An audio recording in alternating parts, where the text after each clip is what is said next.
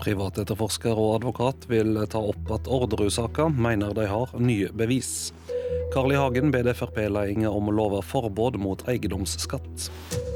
Her er NRK Dagsnytt klokka 6.30. Privatetterforsker Tore Sandberg og advokat Frode Sulland vil at Orderud-saka blir tatt opp igjen. Kravet ble sendt til gjenopptakingskommisjonen like etter påske. Sandberg hevder å ha nye bevis som gjør at politiet må se på trippeldrapssaka på nytt. Per og Veronica har jo hele tiden sagt at de ikke har gjort det de er dømt for. Og vi mener at det er grunnlag for å, at de skal få prøvet saken sin igjen. Det er nå snart 18 år siden ekteparet Christian og Marie Orderud og dattera Anne Orderud Paust ble funnet skutt og drept på Orderud gård. Det har aldri kommet frem hvem som faktisk utførte drapene, men sønnen Per og kona Veronica Orderud, Kristin Kirkemo og Lars Grønnerød ble alle sammen dømt for medvirkning til drap. Nå mener likevel privatetterforsker Tore Sandberg at han sitter på nye opplysninger han mener fører til at politiet må se på saken på nytt. Ifølge Sandberg skal den nye dokumentasjonen bli tilgjengelig for alle som et TV-program på nett. Vi har et antall uh, nye vurderinger av sakkyndige fra innland og utland. En av disse vurderingene er jo en vurdering av de våpentekniske bevisene i saken, hvor vi kommer med eh, nye rapporter utført i utlandet. Reporter Marit Gjelland og Gjenopptakingskommisjonen skal nå vurdere om beviset holder til en ny etterforsking. I den afghanske hovedstaden Kabul har det vært en stor eksplosjon. Det forteller øyevitner til nyhetsbyrået Reuters. Eksplosjonen skal ha skjedd i nærleiken av den amerikanske ambassaden og råka flere kjøretøy fra Nato. Ifølge nødtjenesten i byen er minst fire personer drepne og 22 skadde. Etter snart fire år med Fremskrittspartiet i regjering betaler fremdeles mange eiendomsskatt. Det vil Carl I. Hagen og Oslo Frp ha en slutt på. De ber nå ledelsen om å sette en frist for når skatten skal bort. Vi sender et signal om at de må prioritere høyere fjerning av eiendomsskatten, som er en usosial skatt som ilegges alle, selv om man er minstepensjonist, men sitter i et hus som er mye verdt fordi man har bodd i sitt hjem hele livet. Eh, den bør fjernes. Nei, Vi i Oslo Frp er ikke fornøyd, og har derfor fremmet forslag om en avtrappingsperiode, slik at eh, eiendomsskatten reduseres til 4 eh, promille i 2018, 2 promille i 2019 og fjernes helt fra 2020. Sa Carl I. Hagen, og Frp skal ta stilling til forslaget på landsmøtet, som starter fredag. NRK Dagsnytt, Vidar Eidhammer.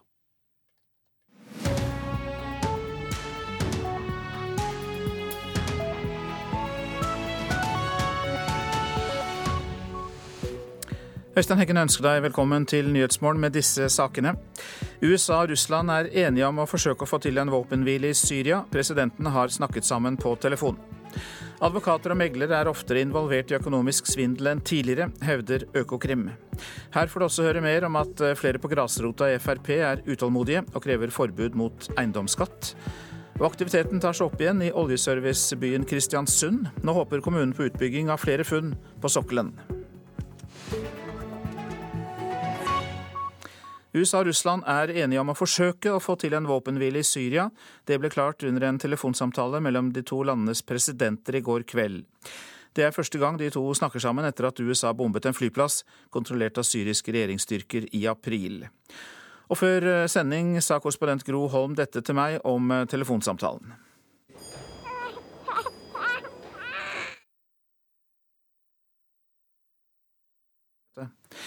Der eh, fikk vi i gang feil sak, men vi prøver å finne tilbake til Gro Holm og det hun sa om at USA og Russland er enige om å forsøke å få til en eh, våpenhvile i eh, Syria. Ja, Det er jo først og fremst en intensjonserklæring. Det er langt fra noe veikart vi snakker om her. Det er mer som et slags eh, minimum som signaliserer at de mener at det er nødvendig med en politisk løsning. Og I dag åpner et russiskledet møte om Syria i Kasakhstan. Der deltar også representanter for Iran og Tyrkia, og trolig også for den syriske opposisjonen. USA var ikke til stede på et tilsvarende møte i januar, men nå sender president Trump en representant fra det amerikanske amerikanske utenriksdepartementet. Og Det er jo faktisk en anerkjennelse av at Russland spiller en viktig rolle. Og Dette møtet i Kasakhstan, hva vil Russland oppnå med det? Ja, Det er ikke så mye vi vet, men uh, dette er jo en prosess. Og på dette møtet nå, som, som starter uh, i dag, så vil uh, Putins utsendinger ifølge The New York Times foreslå at soldater fra Russland, Iran og Tyrkia skal fungere som buffere mellom regjeringsstyrker og opprørere i deler av Syria hvis, deler av Syria, hvis man blir enig med en våpenhvile. Og president Assad skal selv være skeptisk til forslaget, heter det. Og, og det er jo et forslag som uansett er helt uakseptabelt for USA. Fordi store deler av Kongressen og president Trump er svært kritiske til Iran. Eh, og, og kan ikke tenke seg at Iran skal spille noen formell rolle i forbindelse med en fredsløsning eh, for Syria. Og Hva vet vi ellers om eh, samtalen mellom Trump og Putin? Ja, Ifølge en uttalelse fra Det hvite hus så snakket de om muligheten for å opprette sikre soner i Syria. Det ble ikke nevnt i den russiske uttalelsen om møtet. Men uh, Trump ser altså på sikre soner med beskyttelse av sivilbefolkningen som et ledd i hans politikk for å hindre at syriske flyktninger strømmer til USA eller forsøker å komme inn i USA. Ellers så sier man fra russisk side at eh, de to ble enige om å treffes for første gang i forbindelse med G20-møtet i Hamburg i begynnelsen av juli. Det er ikke bekreftet fra amerikansk side. Men på telefon har de jo hatt kontakt flere ganger. Hvorfor er denne siste samtalen eh, regnet som så viktig? Ja, så langt har det ikke blitt noe av det amerikansk-russiske partnerskapet i kampen mot IS som Trump snakket om i valgkampen. Eh, både FBI og Kongressen de gransker jo da fortsatt russisk innblanding i valgkampen og skandalen rundt presidentens nasjonale sikkerhetsrådgiver som gikk av etter å ha løyet til visepresidenten om en samtale med Russlands ambassadør i USA. Ja, Den eh, har gjort at Trump har valgt å holde en armlengdes avstand eh, til Russland. Men eh, nå ser det altså ut til at begge presidenter ser seg tjent med å prøve ut hva de kan få til sammen i Syria.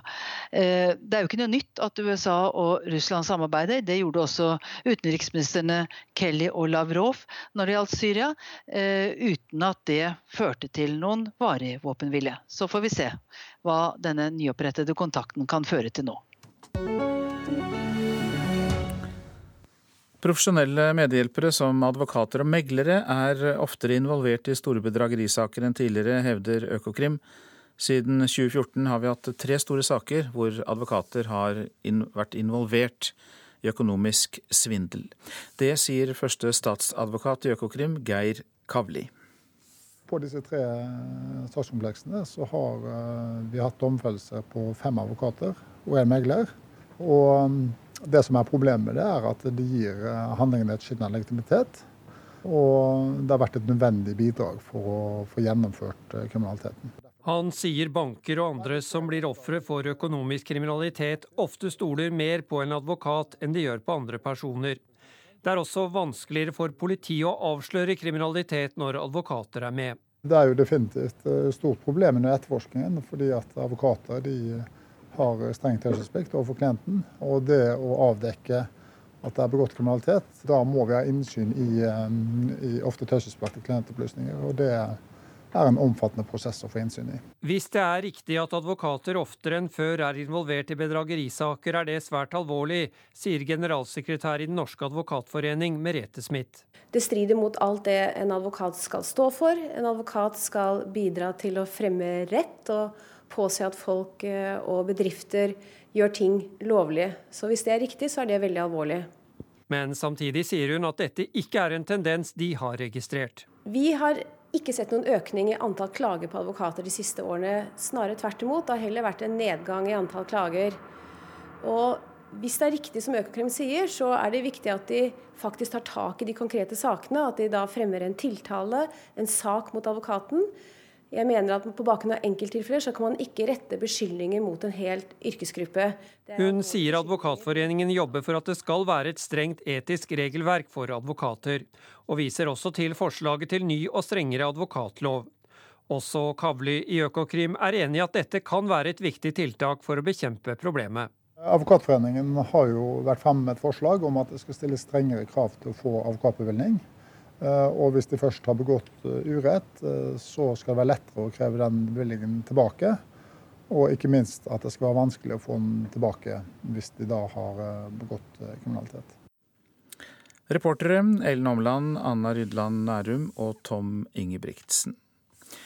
Etter snart fire år med regjeringsmakt har ikke Frp klart å bli kvitt eiendomsskatten. Som vi hørte i Dagsnytt er det opprør blant mange i partiet. De legger press på ledelsen nå for å få til et forbud mot denne skatten etter høstens valg. Nei, vi i Oslo Frp er ikke fornøyd, og har derfor fremmet forslag om en avtrappingsperiode, slik at eh, eiendomsskatten reduseres til 4 eh, promille i 2018, 2 promille i 2019 og fjernes helt ifra 2020. For fire år siden gikk Frp til valg på å jobbe for å fjerne eiendomsskatten. Men etter denne regjeringsperioden kreves det inn mer eiendomsskatt enn noen gang. Også i to av fire Frp-styrte kommuner må innbyggerne skatte av sin eiendom. Nå vil partinestor Carl I. Hagen ha fart på sakene. Dersom Frp får fortsette i regjering, bør det bety et forbud mot eiendomsskatt innen tre år, mener han. Vi sender et signal om at de må prioritere høyere fjerning av eiendomsskatten, som er en usosial skatt som ilegges alle, selv om man er minstepensjonist, men sitter i et hus som er mye verdt fordi man har bodd i sitt hjem hele livet. Eh, den bør fjernes. All annen skatt er jo stort sett evnen til å betale, hvor de rike betaler mye mer skatt enn de som har mindre inntekter. Mens eiendomsskatten den blir altså lagt ut nå for en rekke mennesker som kanskje er minstepensjonister og har dårlig råd. Og alle fylkeslederne NRK har snakka med, stiller seg bak forslaget. En fylkesleder mener riktignok at man må vente litt lenger enn til 2020, men de aller fleste sier eiendomsskatten må bort så fort som mulig. Per Sandberg, som leder programarbeidet, har likevel ikke ville konkretisere programformuleringa fra fire år siden om å jobbe for et forbud. Hvorfor er ikke det med i programmet hvis Frp er imot eiendomsskatten? Alle vet at vi er imot eiendomsskatt, men nå utskrives eiendomsskatt i kommunene. Eh, så at det kommer en resolusjon fra Oslo, så blir det behandla på landsmøtet vårt. Så hvis landsmøtet sier at eh, man krever at det skal fremmes lovendringsforslag i Stortinget, så er jeg rimelig sikker på at vår stortingsgruppe vil fremme et lovendringsforslag i, i Stortinget, hvis det får flertall på landsmøtet. Uansett hva Frp ender med å vedta på sitt landsmøte, kan det bli vanskelig å få med seg dagens regjeringspartner Høyre på et forbud mot eiendomsskatt, skal vi tro finanspolitisk talsmann Svein Flåtten. Ja, Vi er jo heller ikke glad i eiendomsskatt, eh, men eh, den nåværende regjeringen har jo ikke det i sin plattform. Eh, og så spørs det jo hva de forskjellige partier vedtar for neste periode, og hva man eventuelt blir enige om i en ny regjeringsplattform. Men vi har ikke det eksplisitt i vårt program for neste periode. Problemet ved å fjerne den er jo at den allerede er vedtatt veldig mange steder. At du da nærmest må ha et forbud mot at det kommunale selvstyret ikke skal kunne virke på dette området. Det mener jeg absolutt er eh, betenkelig. Reporter Hans Cosson Eide. Avisene har vi ikke glemt i dag heller. Sylvi Listhaug går på et sviende nederlag i striden om statsborgerskap, skriver Klassekampen. Stortingsflertallet går inn for at eh, det blir at tilbakekalling av statsborgerskap må skje ved lov og dom, ikke ved at UDI skal bestemme det. Lavpris vokser mest, er oppslaget i Aftenposten. Sju av ti velger lavprisbutikker som Kiwi og Rema 1000 framfor dagligvarebutikker med større utvalg, ifølge tall fra analysebyrået Nilsen. Lavpriskjedene har økt omsetningen med 20% siden 2005. Ukjente personer forfalsket skjøte til en hytte på Blefjell og forsøkte å selge den, forteller Dagens Næringsliv.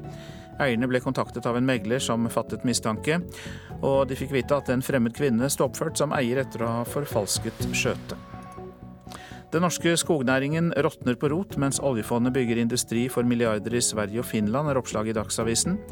Investeringer og arbeidsplasser uteblir i skogsnæringen her i landet, mens det skapes vekst og håp i nabolandene. Kirken skal i sentrum og Guds plass er i byen, er overskrifter fra Vårt Land i dag, som forteller at den danske byen Kristiansfelt på Jylland der har de bygd eh, byen rundt kirken. Norske kirkeorganisasjoner vil ha det slik eh, også i Norge i fortsettelsen, at kirken skal være et signalbygg. Kulturtoppene i Bergen jubler for Erna Solberg på forsiden av Bergens Tidende. Nå skal det gamle Sentralbadet bli arena for scenekunst, bl.a. som lokaler for Carte Blanche og Bergen Internasjonale Teaterfestival med Teatergarasjen. I tillegg får Den nasjonale scene penger til oppussing. Han har fått eh, flere hundre tusen kroner i inntekt fra opsjonsavtaler på jorda han eier, men nå er bonde Johan Helgeland i Sandnes i Rogaland blitt motstander av ordningen. Til Nasjonen sier Helgeland at matjord eh, blir til boligtomter, og vil ha et forbud mot opsjonsavtaler. Verdigheten æresborger kan stå for fall i Trondheim, skriver Adresseavisen. Rådmannen foreslår at den erstattes med en hederspris. De som er blitt utnevnt til æresborger så langt, er Liv Ullmann, avdøde Hjalmar Hjallis Andersen og Arve Tellefsen. For min del er det greit å erstatte æresborger med en hederspris, som flere kan få, sier Tellefsen. Presidenten i Røde Kors, Sven Mollekleiv, er blitt hentet inn for å løse den betente dommerkonflikten i norsk fotball. Fotballdommer Svein Erik Edvardsen og dommersjef Terje Hauge har jo havnet i en åpen krangel. Edvardsen ble bl.a. vraket fra første serierunde i Eliteserien pga. intern uenighet mellom ham og dommersjefen, altså. Mollekleiv sier dette om det oppdraget han nå har fått.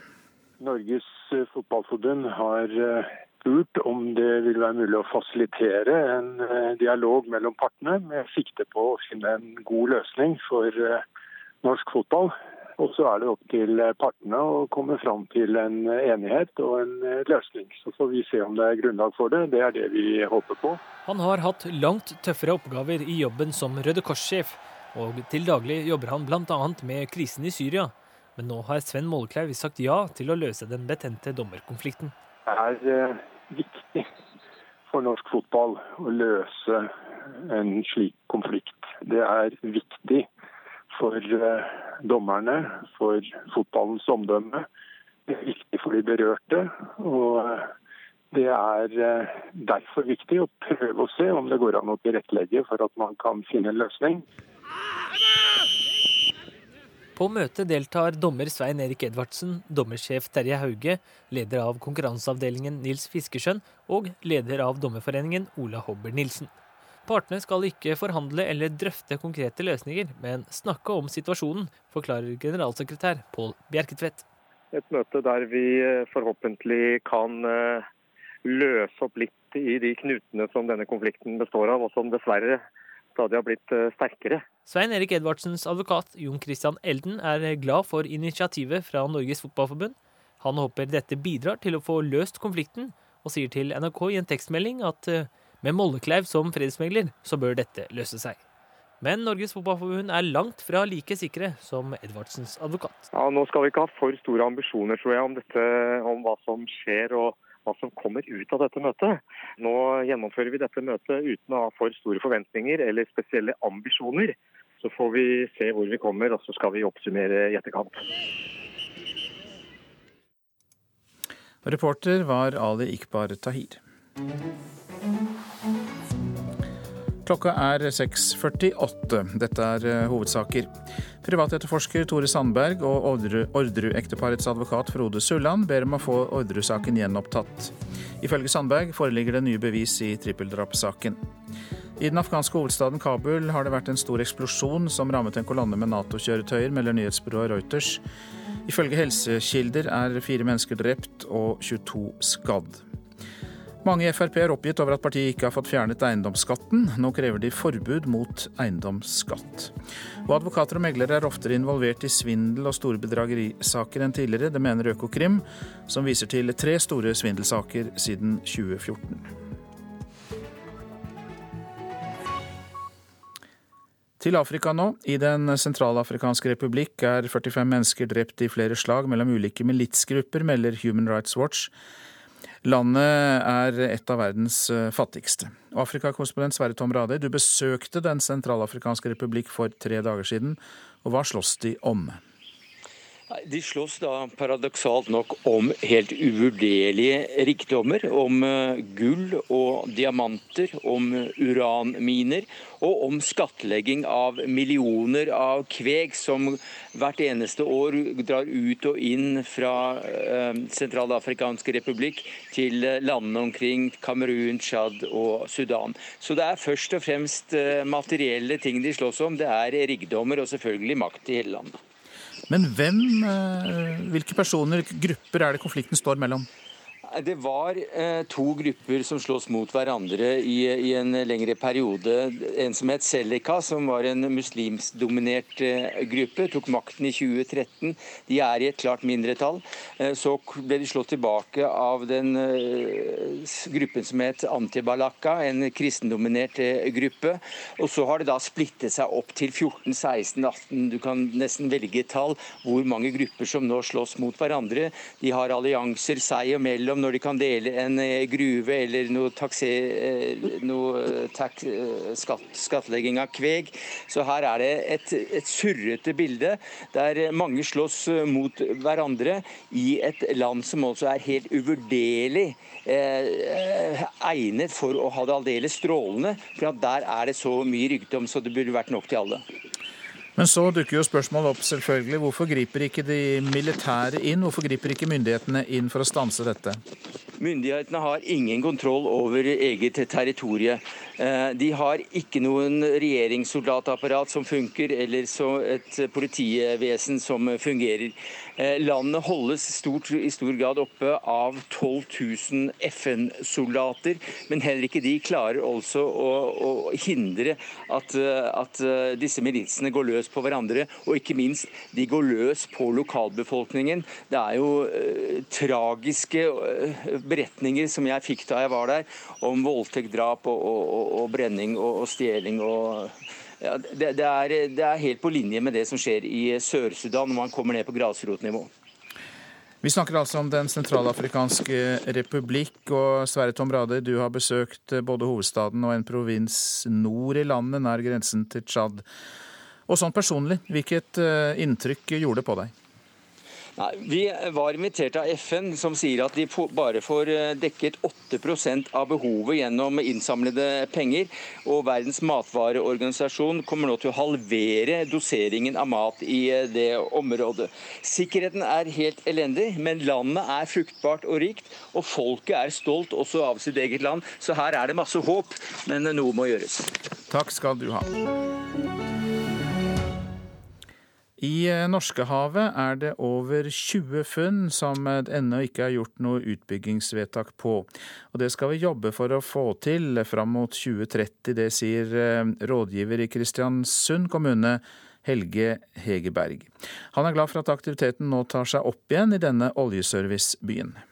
Oppgangen har starta. Den starta med Mariafeltet, og den fortsetter med Dualin og Trestak og Njord store prosjekt. 60 milliarder nesten investeringer på dem vi har nå. Og så får vi kobla opp eh, det store gassrøret fra Vøringbassenget fra Åsta Hansten gjennom Polarlia til Nyhamna. Og det kommer til å sette fart på ting i området her, altså. Det første synlige tegnet på aktivitetsauken er at køa er tilbake på innfartsveien. Ja, jeg syns det er mer trafikk nå enn det var for kort tid siden. Vi får bilkøa tilbake når det blir gode tider. For vi har ikke innfartsveien klar, i hvert fall. Så det kan være et barometer. Nå i løpet av de fem neste årene så skal aktiviteten kraftig opp. Ja, Det skal bygges ut sju eh, små og mellomstore funn som skal knyttes til infrastruktur som vi har fra tidligere, altså plattformer som er ute i havet. Da kommer vi i drift da, i perioden 18 til 21. Og mer venter etterpå. Hegerberg viser mange funn som har fått navn på oljekartet. Erlend og Lavrans og Ragnfrid og Imsa. Det felt som kommer når vi er ferdig med de sju feltutbyggingene, så er det prosjekter her som kommer fra 2022 og fram til 2030. Så det kommer en ny bølge med subsea-felt eh, om fem år. Og det må vi ha klart nå. Vi må ha vedtak og planer og få det gjennomført når de andre prosjektene her er fullført. Hegerberg mener at det er en par og 20 funn som det går an å jobbe med. Og, og det må vi på en måte finne løsning på nå i perioden 2022 til 2030. Slik at vi skaffer arbeid til industrien også i den perioden. Så vi går inn i en ny fase. og nå, nå skal vi, I og med at vi har på en måte har haka ut de prosjektene vi har, vi har jobba med, så skal vi løfte noe blikket og så prøve å finne ut rekkefølgen på ting fra 2022 til 2030. Men hvor mye um, arbeidsplasser vil dette gi fram til 2040? Går det an å si det? Nei, Det går ikke an å si. Eh, altså, teknologi kommer i sterkere grad. Den sokkelen her utenfor eh, Midt-Norge den er mer moderne enn andre sokler, fordi den har så mye subsea-utstyr. Og Så kommer det til å bli liksom det som vi kaller for tie-in, altså tilknytning til et felt. Det blir det mye av. Men det kan også bli nye feltutbygginger. De siste årene har vi hørt mye om overflødige ingeniører som har mista jobbene i oljenæringa. Plutselig kan det bli etterspørsel igjen. Det er faktisk tendenser enkelte plasser lenger sør på Vestlandet til at det er litt lite ingeniører å få tak i akkurat nå. Mange har fått seg nye jobber eller har flytta ut. Eh, og Det er vi litt redd for her òg, at eh, alle skal inn døra samtidig igjen. Det kan føre til en ny kostnadsoppgang. Men det er jo bra for at det da blir god etterspørsel etter kompetanse. da. Helge Hegerberg eh, i Kristiansund kommune til reporter Anne Marie Flatseth. Norsk kulturpolitikk kommer litt ut av løse lufta og trenger en plan. Det har leder av Kulturrådet Tone Hansen sagt, og i dag kan vi vel si at kulturministeren svarer på utfordringen, for Linda Hofstad Helleland legger fram den første kulturmeldingen på 14 år. Men så er det ikke alle der ute som vet hva det er for noe. Eh, hva syns du en ny eh, kulturmelding bør inneholde? Hva mener, du med en ny kulturmelding? da? Ah, jeg må tenke litt, tror jeg. Det var ganske vanskelig spørsmål, egentlig. Jeg vet ikke. Det er vel kanskje ikke noe sånn som man går og tenker på. Det er ikke så mange av dem vi møter på Universitetet i Oslo som vet hva en kulturmelding er. Men en av dem er inne på noe. Det kan hende det er en ny stortingsmelding om hva slags kulturforslag man skal ha for de neste årene. Jeg vet ikke. Det er ganske riktig. En kulturmelding er en melding som legges fram for Stortinget, og som skal danne grunnlaget for kulturpolitikken i årene fremover. Kulturminister Linda Hofstad Helleland har satt i gang arbeidet for å lage den første kulturmeldingen på 14 år, og i dag er oppstartskonferansen for arbeidet. Rådsleder for Kulturrådet, Tone Hansen, er en av dem som tidligere har etterspurt en ny kulturmelding. Jeg vil ha en ny kulturmelding fordi jeg mener at vi trenger å styre norsk kulturliv etter en plan. Det vi har opplevd det siste året er at det skjer veldig mange ting, både godt og dårlig som kommer litt ut av løse lufta. og Det hadde vært fint å kunne sett det ut fra en mye sånn, en klarere politisk og konstruktiv retning. Hansen nevner eksempler som hvordan Kulturrådets kontor ble opprettet i Bodø, og plasseringen av kontoret Kreativt Norge. Hun mener det hele virket litt tilfeldig. Så det, det er selvfølgelig på grunnlag av de tingene der at vi ønsker å få en få se politikken litt, da. Vise oss kortene. Det er mange aktører som ønsker oppmerksomhet i en ny kulturmelding. Og Kulturalliansen er en av dem. Dette er organisasjonen for korps og andre frivillige kulturorganisasjoner. Vi forventer jo at det frivillige kulturlivet i Norge får en sentral plass i kulturmeldinga. Sier Kjetil Aamann, styreleder i Kulturalliansen. Både fordi at det er viktig for eh, befolkninga i Norge, men også fordi at vi er en viktig arbeidsplass for profesjonelle kulturutøvere. Nei, Vi, vi synes at, at, er det noe som fortjener en, en sentral rolle i denne kulturmeldinga som er varsla, så, så, er det det frivillige Kultur-Norge. Også billedkunstnerne har forventninger til en slik melding. Ja, Det viktige for oss det er jo at eh, kunsten har en egenverdi. Sier Hilde Tørdal, styreleder i Norske Billedkunstnere. Og at kunsten må skapes på fritt grunnlag. Eh, at vi trenger, vi trenger ytringsfrihet. Eh, at det ligger som en, som en del av det. Og kunstneren er eh, en veldig, veldig viktig premissleverandør for dette. Så ivareta kunstneren i meldingen, det vil jeg oppfordre til. Og Mari Sand Malm var eh, reporter. Så tar vi for oss eh, værvarselet. Sør-Norge mye sol, periode med nordøst kuling omkring Stad, riktignok. Det var altså hele Sør-Norge. Ferdig med det. Nå går vi til Nordland. Noe regn og sluddbyger først på dagen nord for Bodø, men etter hvert oppklaring sørfra. Fra ettermiddagen oppholdsvær og en del sol. Troms sludd- eller snøbyger, men etter hvert oppholdsvær også der. Finnmark sludd- eller snøbyger i ytre strøk, ellers opphold. Og Spitsbergen, der blir det sludd og snø. Og vi tar med oss temperaturer målt klokka fem i natt. Svalbard lufthavn minus tre, Kirkenes pluss én, Vardø to, Alta og Tromsø-Langnes begge tre.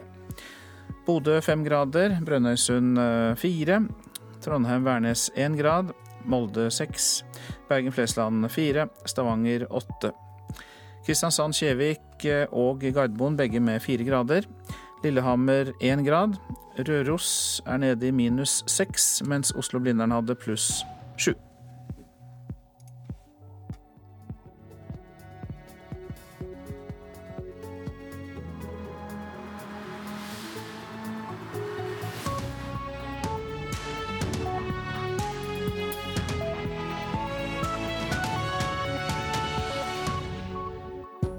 Hva nå, Europa? Temadag i NRK P2. EU-vennlig Macron møter euroskeptikeren Le Pen i et fransk presidentvalg som kan bli avgjørende for hele Europa. Går EU i oppløsning? Hva nå, Europa? De store europaspørsmålene. Temadag i hele dag på NRK P2.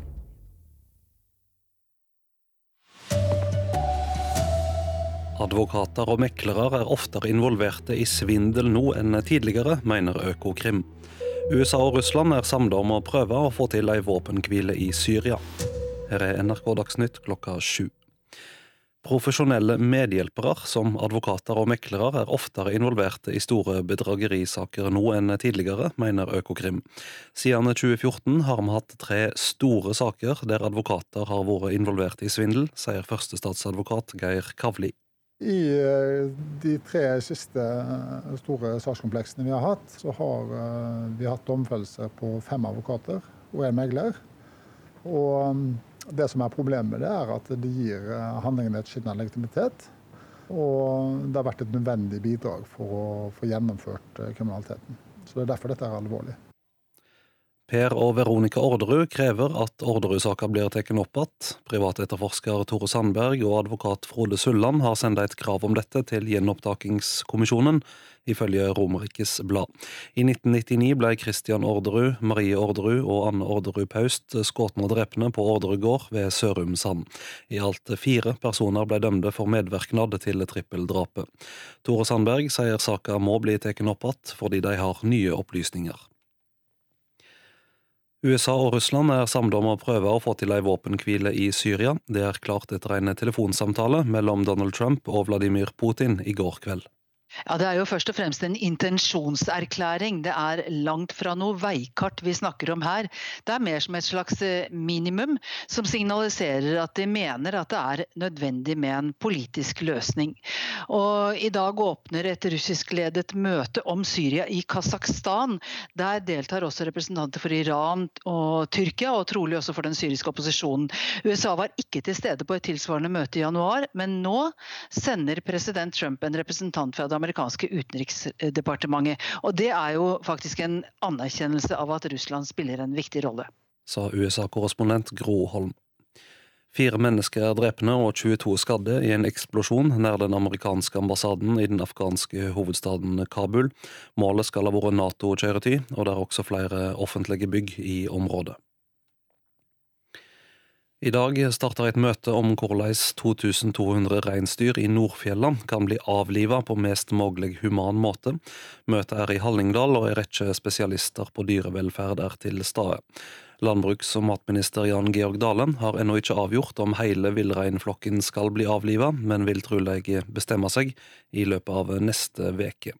Årsaken til at reinsdyra kan bli avlivet, er sykdommen skrantesjuke. NRK Dagsnytt, Vidar Eidhammer.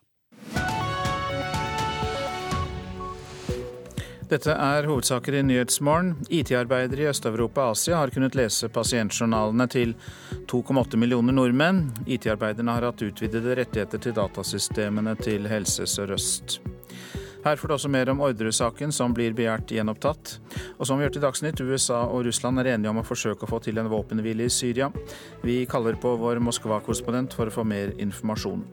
Og nå holdes det også audition for å få sommerjobb på sykehjem. De siste ukene har over 100 IT-arbeidere i bl.a. Malaysia og Bulgaria hatt tilgang og utvidede rettigheter til datasystemet til Helse Sør-Øst. Mange av IT-arbeiderne har hatt mulighet til å hente ut all pasientinformasjon om 2,8 millioner nordmenn. Og det er i strid med tidligere løfter fra helseforetaket.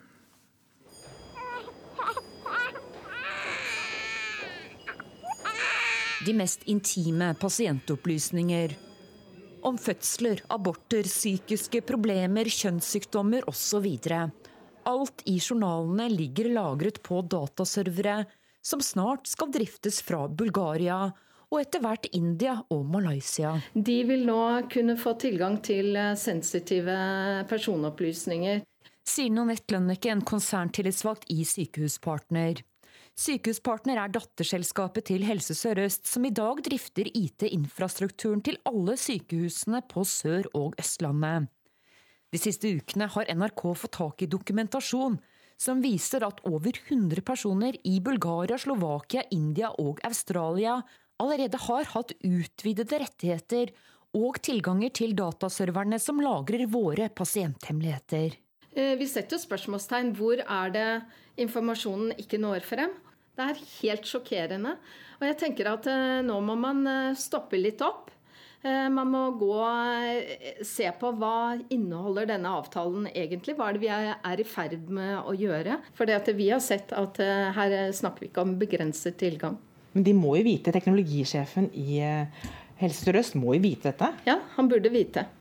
NRK har gjennomført to intervjuer med ledelsen i Helse Sør-Øst. De skal ikke ha tilgang til denne type, og vil ikke få tilgang til denne type systemer. Sa teknologidirektør Thomas Bagley i Helse Sør-Øst til NRK for to uker siden.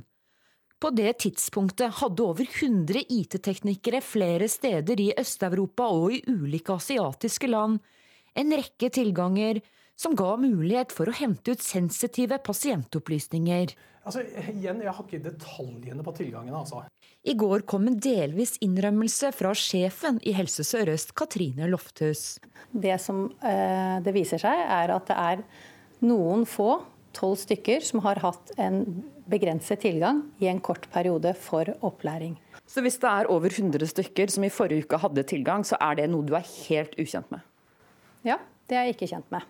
Jeg har sittet i møter med både styreleder, administrerende direktør, prosjektansvarlig, sikkerhetsansvarlig i Sykehuspartner osv. At det har vært gitt eh, begrensede tilganger for en begrenset eh, periode knyttet til opplæring og kartlegging. Eh, og det ble gitt informasjon om dette til Helse- og omsorgsdepartementet og til styret i Helse Sør-Øst torsdag 27.4. Først da? Da hadde de hatt det ganske lenge? Ja, det var da informasjonen ble gitt. Hvorfor ga dere ikke før? Undertegnede var ikke kjent med at de tilgangene var eh, gitt før eh, eh, jeg satte meg grundig inn i det, og da ble informasjonen gitt videre. På noen uker har mange ansatte i Helse Sør-Øst bidratt med opplysninger til NRK som viser hva slags tilganger som er delt ut, og hva som kan hentes ut av sensitiv informasjon. Ifølge NRKs velinformerte kilder på innsiden har det vært pålogginger fra utlandet, selv om sjefen i Helse Sør-Øst påstår det motsatte. Reportere Line Tomter og Anne Cecilie Remen. Og vi har nå med oss eh, Sofie Nystrøm, leder av Institutt for informasjonssikkerhet og kommunikasjonsteknologi ved NTNU. God morgen. God morgen. Hvilken risiko løper Helse Sør-Øst når de outsourcer denne typen IT-infrastruktur? Det å outsource eh, til eh, norske leverandører eller internasjonale leverandører er veldig vanlig i praksis. Ofte så er det målsetning om å kutte kostnader for IT-prosjekter, og IT-drift er veldig kostbart. Eh, så det at man går ut og, får eh, eksterne leverandører, spesielt fra utlandet, inn i sin infrastruktur, det er veldig vanlig. Og det som ofte skjer, er at man, man ikke har en arkitektur eller en grunnmur Eh, i bedriften som kan ta imot denne type tilganger og, og løsninger. slik at man har ikke rigget til eh, den IT-infrastrukturen til de oppgavene som skjer fra utlandet. Og, Det gjør at man eh, utøker en høyere risiko og sårbarhet. Eh, ved å bruke leverandører som kanskje er i en annen kultur og håndterer tilganger på en helt annen måte. Så På generell basis så, så er det høyere kompleksitet ved å bruke eh, leverandører spesielt fra, fra kulturer og land med, med helt annen basis enn det vi har i Norge. Så det du kaller en grunnmur, det kan vi også kalle beskyttelse? At det er for lite beskyttelse mot å outsource, outsource den type arbeid? Jeg tror man ikke tar høyde for de skjulte kostnadene når man tar beslutningene om å outsource eller offshore. Eh, fordi nettopp man blir målt på kostnadsreduksjonen. Kvaliteten er mye vanskeligere å måle. Eh, slik at eh, beskyttelsen og de mekanismene man trenger å, å, investere i, som kan være titalls millioner for et stort foretak eller en stor virksomhet, det er ofte en investering man ikke ønsker å, å, å ta i en slik prosess. Slik at dette er forskjellige drivere som er, er et spenningsforhold når man skal utkontraktere eller offshore leveranser. Sjefen i Helse Sør-Øst sier at i Bulgaria skal avgrense tilgang. Hvor enkelt er det å avgrense tilgang for noen som tross alt har administrative rettigheter i systemet? Når man har administrative rettigheter, så har man vide tilganger til de serverne eller det datasystemet som, som man har tilgang til.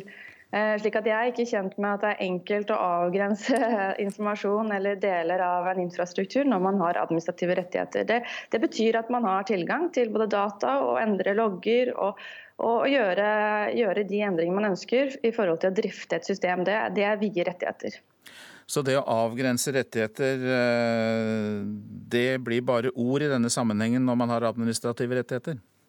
Jeg, jeg, kjenner ikke detaljene, på, men på generell basis, når man sier at man har administrative rettigheter, så har man full tilgang til et system. Ja. Eh, vil det være mulig for den utenlandske underleverandøren å hente ut sensitiv pasientinformasjon uten at Helse Sør-Øst oppdager det? Det kan ikke jeg kommentere. Det, det, er detaljer som må tas med de som drifter systemene. Eh, og jeg regner med at det er god logging og mye overvåkning rundt disse systemene, slik at man har gode muligheter til å finne ut av hvilken informasjon som eventuelt har tilflytt disse IT-medarbeiderne.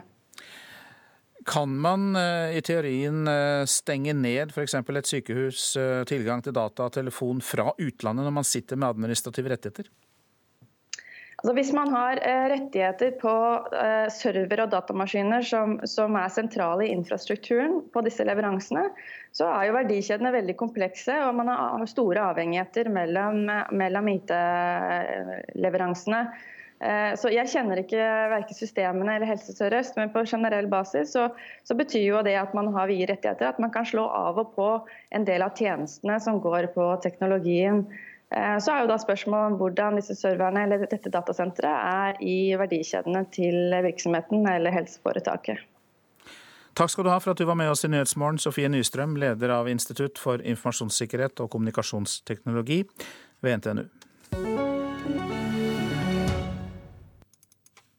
Etter eh, Det er en tettere dialog om Syria. Det kan bli resultatet av telefonsamtalene mellom president Donald Trump og Vladimir Putin, den siste i går kveld. USA sender nå en utsending til de fredssamtalene som pågår i Kasakhstans hovedstad Astana. Og Korrespondent Morten Jentoft i Moskva, du er med oss. Hva tror du ligger bak at eh, USA og Russland sier de skal samarbeide tettere om Syria? Ja, Nå får vi se hva som kommer konkret eh, ut av dette. her, men eh, Begge parter gikk jo ut i eh, går kveld og sa at nettopp samtalen om Syria hadde vært positive. Disse fredssamtalene som nå har pågått helt siden januar i Astana, eh, er jo sponset av eh, først og fremst Russland og delvis også Tyrkia. Eh, og Russerne legger mye prestisje i dette. Amerikanerne har vært tilbakeholden med å delta der. Nå sender de altså en tjenestemann fra det amerikanske utenriksdepartementet til disse samtalene. Trump og Putin skal ha snakket også om hva kan gjøres for å begrense lidelsene, som de sier, da for det syriske folket.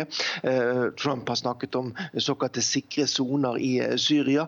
Sånn at eh, fra at situasjonen var svært tilspisset etter at amerikanerne gjennomførte dette rakettangrepet mot en syrisk flybase, så er i alle fall nå en, en, en dialog i gang mellom USA og, og Russland for å, å, å, å prøve å dempe spenningen i Syria. Ja, Telefonsamtale er én ting, men nå skal de også møtes ansikt til ansikt, Putin og Trump. Det er i alle fall det eh, man snakker om, eh, og det skal skje da i forbindelse med dette G20-møtet i Hamburg. Men eh, heller ikke her er det eh, endelig slått fast at det blir noe slikt eh, møte.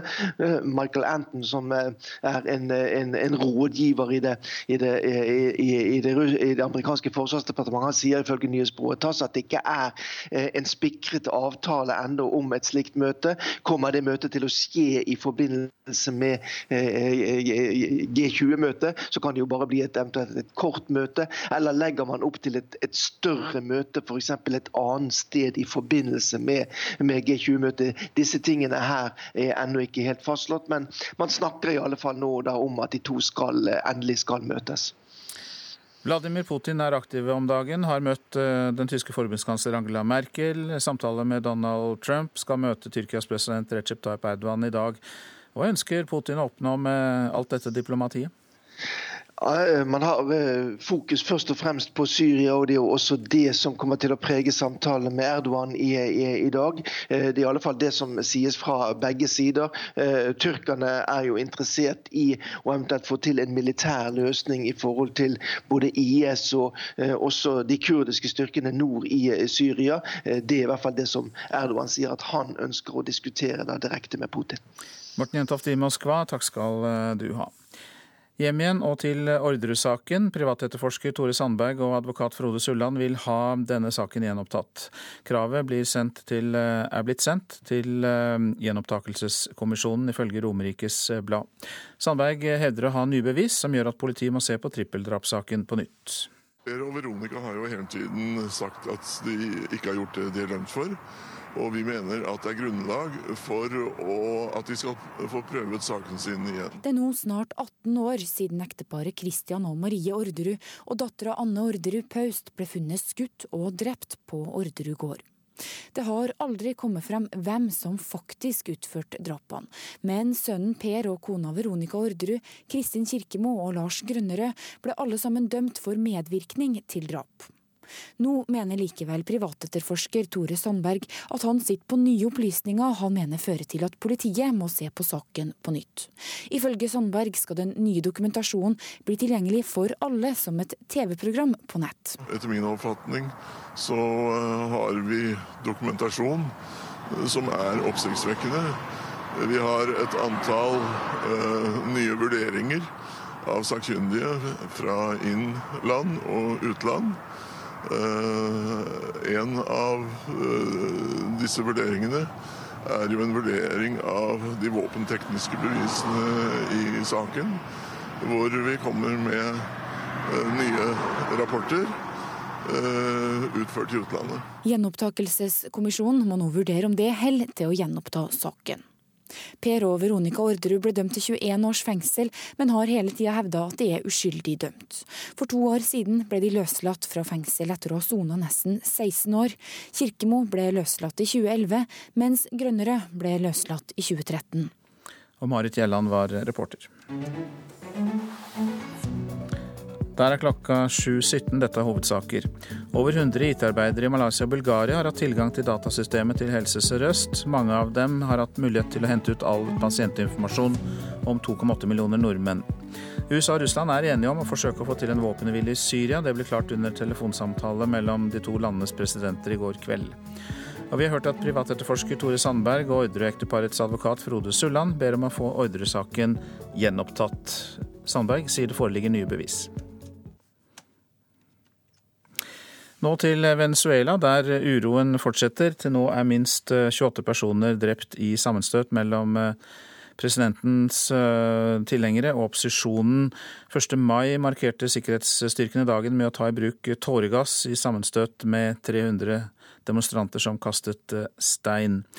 Det er altså ikke blitt roligere etter at president Nicolas Maduro har sagt at han vil innkalle en folkekongress for å lage en ny grunnlov. Da trenger vi hjelp fra deg, Leiv Marstein Trede. Du er førsteamanuensis ved Latin-Amerikastudier ved Universitetet i Oslo.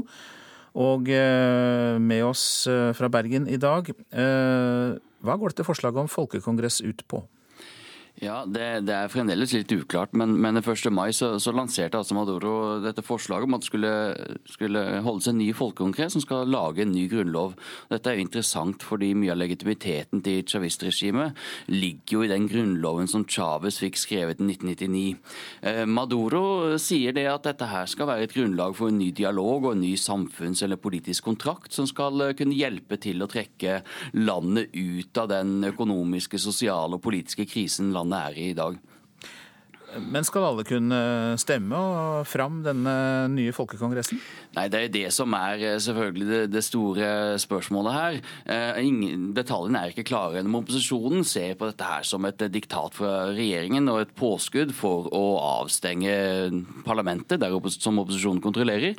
Og Maduro har selv sagt at, eh, at her, denne folkeforsamlingen skal fylles opp nærmest korporativt med arbeidere, studenter eh, og også personer som tilhører disse sosiale tjenestene som, som, eh, som chavismoen har da skapt. Så det ser ikke ut til at det skal være frie valg til denne folkeforsamlingen. og Da kan man jo også regne med at opposisjonen vil bli ekskludert fra denne.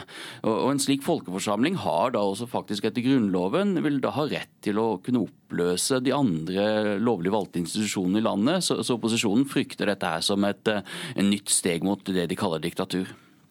Det kan jo da høres ut som man eh, setter parlamentet til side, for man har jo da et parlament, og så skal man da etablere en ny kongress, en ny folkeforsamling? Ja, altså dette her skal da være en ny grunnlovsgivende forsamling, og, og dette ser ut som eh, en ny måte å, å, sette parlamentet til side, så der de har funnet ut at dette kan de gjøre da med Grunnloven i hånd. Fordi presidenten har makt til å kalle inn til en grunnlovsgivende forsamling. Den makten har han nå benyttet. Han har skrevet ut et dekret. Og denne nye grunnlovsgivende forsamlingen vil være suveren i det politiske systemet i Venezuela, og dermed kunne stå over parlamentet og alle andre statlige institusjoner.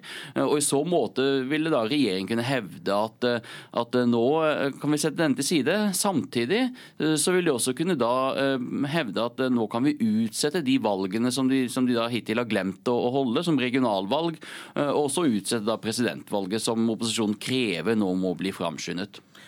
Er da alternativet å gå ut i gatene fortsatt, tror du? Ja, opposisjonen sier det at nå skal de lansere enda større protester, om det er mulig i det hele tatt.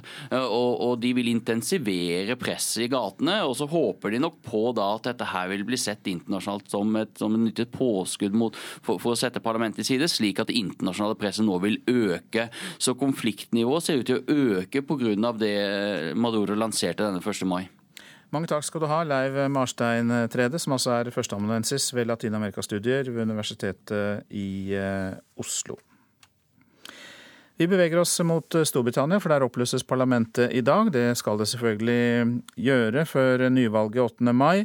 Og statsminister Teresa May og de konservative har fortsatt et forsprang på meningsmålingene på godt over 20 prosentpoeng på Labour, faktisk. og partiets leder Jeremy Corbyn. Korrespondent Espen Aas, du er med oss. Eh, er det i ferd med å bli fart i valgkampen nå? Det er eh, ingen tvil om at temperaturen i eh, denne valgkampen så absolutt er stigende. Partilederne er ute på banke og banke på dører, med, med vekslende hell, må jeg kanskje si. Statsministeren forsøkte en hel halvtime her om dagen uten at noen ville lukke opp døren. Om det hadde med henne eller horden av fotografer som hang på, skal være usagt, men det gikk ikke særlig bra. Og ellers så eh, hagler beskyldningene eh, om dårlig politikk mellom de to hovedmotstanderne, de konservative og det britiske arbeiderpartiet Labour. Og um, hvis noen husker hvordan tidligere Labour-leder Ed Miliband ble mobbet i avisen her for hvordan han spiste en bacon sandwich forut for valget i 2015, ja, så spiste statsminister Theresa May fish and chips i Cornwall i går, og har fått mye oppmerksomhet for hvordan hun spiste det, bl.a. fra nevnte Ed Miliband. Så her er det valgkamp så det holder. Ja, ikke engang matro får de, altså. Men Bortsett fra at avisen er opptatt av hvordan eh, folk spiser og hva de spiser, eh, hva handler den om? Er det bare brexit? Valgkampen har jo dette enorme bakteppet som er eh, nettopp brexit, som du sier, og så for så vidt er grunnen til at det helt tatt er valg. Men partiene spisser jo de politiske budskapene sine, og særlig fra i dag av, men også i, i dagene før, så har det handlet mye om økonomi og pengebruk og ansvarlighet. Labour og venstresiden forteller mye om hvordan de, den konservative regjeringen skviser de som har lite, de som har minst, men lar de som har mye berike seg. Og de, de konservative forteller mye om det økonomiske kaoset og alle de høye skattene som venter dersom Labour skulle vinne valget. Så det er eh, ganske klassisk eh, dette her. Men eh, jeg tror skulle de bare kjørt kampanjer om EU og brexit, så hadde det om mulig vært enda vanskeligere å engasjere folk i dette valget. En kjent størrelse dukker opp. Statsminister, tidligere statsminister Tony Blair kommer tilbake til politikken. Hvilken rolle skal han ha nå? Ja, Det står litt uh, i det blå. Han har jo åpenbart savnet seg selv litt i politikken. Kanskje mer enn andre har savnet uh, ham. Men det er ingen tvil om at ingen partileder vant valg som det Tony Blair gjorde. Tre på strak arm. Men ingen partileder sank vel heller så dypt på popularitetsmålingen som den samme Tony Blair etter krigene i Afghanistan og Irak. Men han har uh, meldt seg inn på arenaen igjen. Han har kritisert Jeremy Corbyn, som i dag leder Labour. Han har poengtert at dersom politikken ble dreiet mot høyre og inn mot sentrumen, slik det var i hans tid, så ligger det et stort potensial der ute for Labour å vinne et valg. Men nå med 25 arbeidsdager igjen til folk skal gå til valgurnene, så er det vel spørsmål om Tony Blair klarer å flytte velgerne noe særlig, verken den ene eller andre veien. Valg i Storbritannia 8. mai, nå også med Tony Blair som titter fram fra kulissene. Korrespondent Espen Aas, takk skal du ha. Så tar vi for oss avisene her hjemme. Sylvi Listhaug går på et sviende nederlag i striden om statsborgerskap, skriver Klassekampen. Stortingsflertallet går inn for at tilbakekalling av statsborgerskap må skje ved lov og dom, ikke ved at UDI kan bestemme det. Lavpris vokser mest, er oppslaget i Aftenposten. Sju av ti velger lavprisbutikker som Kiwi og Rema 1000 framfor dagligvarebutikker med større utvalg.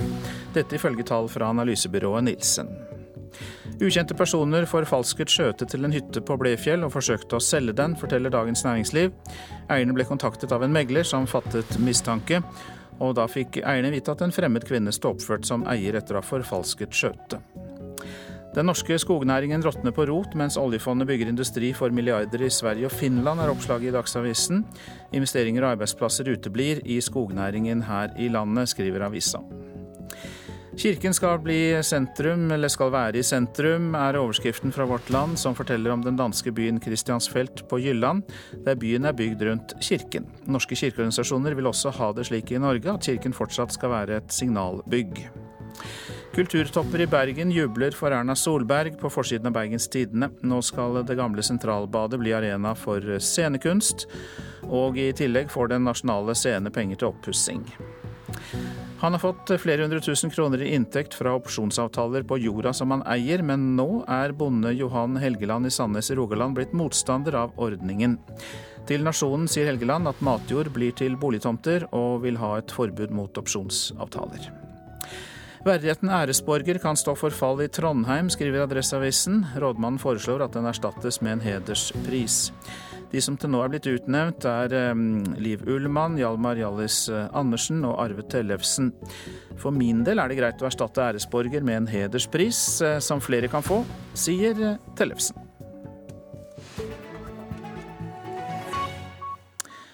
Over 400 unge mellom 15 og 18 år har søkt sommerjobb på sykehjem i Bergen. Sist uke ble 140 av dem innkalt til audition. Formålet er å finne ut hvem som passer best til jobben, sier Marie, Marie Størdal i Bergen kommune. Det er utrolig masse flinke ungdommer som har søkt, og i kveld så skal de prøve seg rundt på forskjellige oppgaver. Hvor vi ser etter de som eh, kan vise omsorg, er flinke på kommunikasjon. Vi skal friste ungdommen at dette er et OK sted å være. Det er kjekt å jobbe på sykehjem, og det er en jobb med mening. På en stasjon sitter Marte Padøy og Ida Nyang med en papptallerken mellom seg. Vi tok en gaffel og bare matet hverandre. Ananas og agurk. Kjenner dere hverandre fra før? Nei. Hvordan var det da å mate en fremmed person? Nei, Det var annerledes. Det er jo gøy å bli kjent med nye folk. Dere skal utføre håndmassasje på hverandre. Skal jeg begynne å massere deg? Ja. Trym Spjelkavik og Sara Rostrup blir altså ganske intime noen minutter etter at de møttes for aller første gang. En god måte å lære, lære om en person. Hvordan kjennes det ut, Sara? Det var veldig godt. det å bli tatt på, det er utrolig viktig for alle mennesker. Å ha hudkontakt. Tror dere at de gamle på sykehjem får mye av det? Nei, de får det nok litt. Lisbeth Dale Sylta, er du litt sånn talentspeider? Ja, egentlig. Hva ser du til da? Hvordan de samhandler med andre. At de er nysgjerrige. De må tørre å være åpne og snakke. By på seg sjøl. Og du må rett og slett tørre å krysse av nei på noe? Ja, det må jeg tørre. Du skal tørre å ta på noen. Det kan av og til komme frem her at det, det kanskje ikke er det rette for meg. Hva sier at dere vil uh, ha jobb på sykehjem? Jeg liker å ta vare på andre mennesker. Jeg tenker at denne jobben er viktig. Er det litt rart at det er så populært? Nei, det virker som en veldig gøy jobb. Disse ungdommene skal de dosere medisin? Nei, de skal gjøre hyggelige sosiale ting for pasientene. Steke vafler, kanskje arrangere en sommerfest, lese høyt for de, ut på tur. Det hadde vært veldig gøy til å få jobben. Reportasjen var laget av Leif Rune Løland. Marit Selmer Nedredid er produsent for Nyhetsmorgen i dag, og programleder Øystein Heggen. Absurd er et stikkord når norske medierådgivere skal beskrive president Donald Trumps første 100 dager i Det hvite hus. Mer hva norske medierådgivere mener, i reportasjen etter Dagsnytt.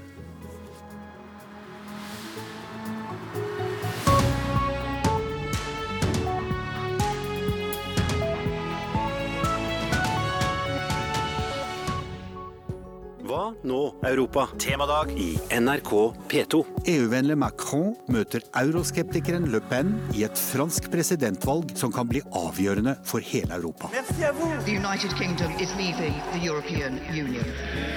Går EU i oppløsning? Hva nå, Europa? De store europaspørsmålene. Temadag i hele dag på NRK P2.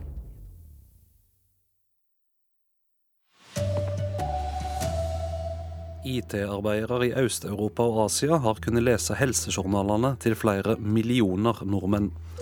Flere advokater og meklere er involvert i svindel nå enn tidligere. Og Ronaldo herja i Meisterligaen mot byrival, hat trick og målrekord.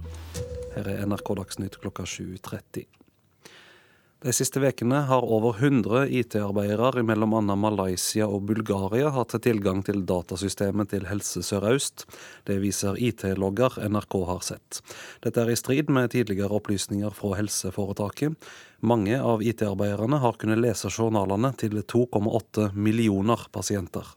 De skal ikke ha tilgang til denne type, og vil ikke få tilgang til denne type systemer. Sa teknologidirektør Thomas Bagley i Helse Sør-Øst til NRK for to uker siden.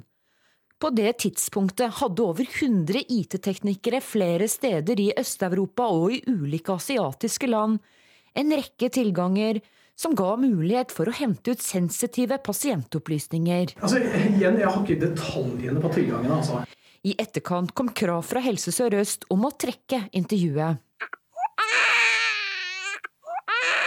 De mest intime pasientopplysninger om fødsler, aborter, psykiske problemer, kjønnssykdommer osv. Alt i journalene ligger lagret på dataservere som snart skal driftes fra Bulgaria og etter hvert India og Malaysia. Men helseforetaket har lovet å innføre nye sikkerhetsmekanismer før de åpner IT-døra fra utlandet. Hvem er det som ikke snakker den fulle sannheten? Og hvor har det blitt misforstått på veien oppover? Sier Nanette Lønneke, konserntillitsvalgt i Sykehuspartner, som i dag drifter IT-infrastrukturen til alle sykehusene på Sør- og Østlandet. Man kan sitte i India, Malaysia eller Bulgaria, så får man tilgang til våre sensitive pasientdata. Med fullt navn, diagnoser, medisinering, behandling osv. De siste ukene har NRK fått tak i dokumentasjon som viser at over 100 personer i Bulgaria, Slovakia, India og Australia har hatt utvidede rettigheter og tilganger til dataserverne som lagrer våre pasienthemmeligheter. Og i går kom en delvis innrømmelse fra Katrine Lofthus, sjefen i Helse Sør-Øst. Det som eh, det viser seg, er at det er noen få, tolv stykker, som har hatt en begrenset tilgang i en kort periode for opplæring. Jeg er opptatt av de tilgangene som har noe med personsensitive opplysninger å gjøre. Og der har vi full kontroll. Så hvis det er over 100 stykker som i forrige uke hadde tilgang, så er det noe du er helt ukjent med? Ja, det er jeg ikke kjent med. Reportere Line Tomter og Anne Cecilie Remen.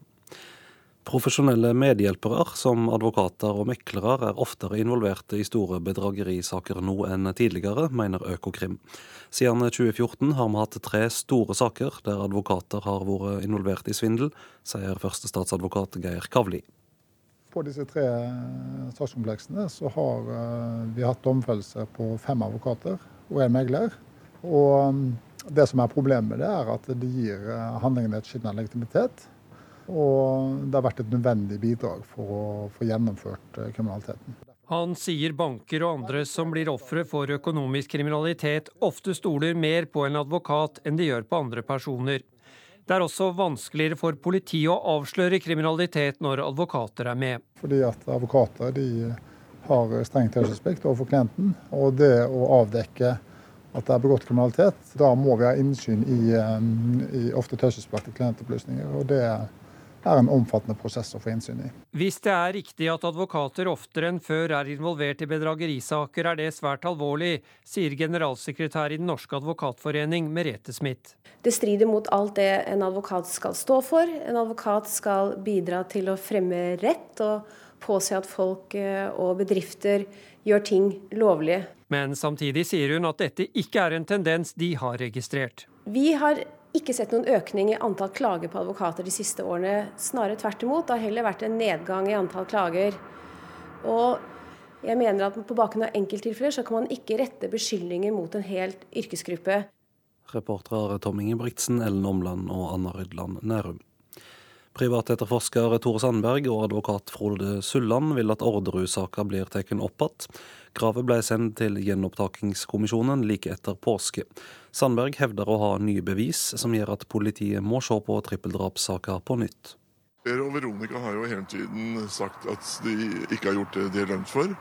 Og vi mener at det er grunnlag for å, at de skal få prøvet saken sin igjen. Det er nå snart 18 år siden ekteparet Christian og Marie Orderud og dattera Anne Orderud Paust ble funnet skutt og drept på Orderud gård.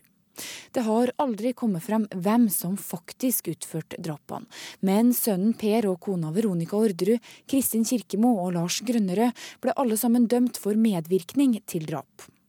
Nå mener likevel privatetterforsker Tore Sandberg at han sitter på nye opplysninger han mener fører til at politiet må se på saken på nytt. Ifølge Sandberg skal den nye dokumentasjonen bli tilgjengelig for alle som et TV-program på nett. Vi har et antall uh, nye vurderinger av sakkyndige fra innland og utland. En av disse vurderingene er jo en vurdering av de våpentekniske bevisene i saken. Hvor vi kommer med eh, nye rapporter utført i utlandet.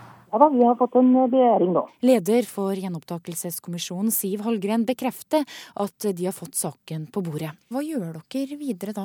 Ja, Foreløpig så avventer vi nok uh, hva som saken kommer. Vi får uh, ha, litt, uh, ha dialog med, med de domfeltes eh, representanter, og så skal vi vurdere dette etter hvert. Reporter Marit Gjelland. USA og Russland er samlet om å prøve å få til ei våpenhvile i Syria. Det er klart etter en telefonsamtale mellom Donald Trump og Vladimir Putin i går kveld. Ja, Det er jo først og fremst en intensjonserklæring. Det er langt fra noe veikart vi snakker om her. Det er mer som et slags eh, minimum som signaliserer at de mener at det er nødvendig med en politisk løsning. Og I dag åpner et russiskledet møte om Syria i Kasakhstan. Der deltar også representanter for Iran og Tyrkia, og trolig også for den syriske opposisjonen. USA var ikke til stede på et tilsvarende møte i januar, men nå sender president Trump en representant fra det amerikanske utenriksdepartementet. Og det er jo faktisk en anerkjennelse av at Russland spiller en viktig rolle. Sa USA-korrespondent Gro Holm. Fire mennesker er drepne og 22 skadde i en eksplosjon nær den amerikanske ambassaden i den afghanske hovedstaden Kabul. Målet skal ha vært Nato-kjøretøy. Ifølge afghanske styresmakter var det en selvmordsbomber som slo til. Etter snart fire år i regjering har ikke Fremskrittspartiet klart å kvitte seg med eiendomsskatten. Krefter i partiet vil nå legge press på ledelsen for å få vekk skatten etter valget i høst.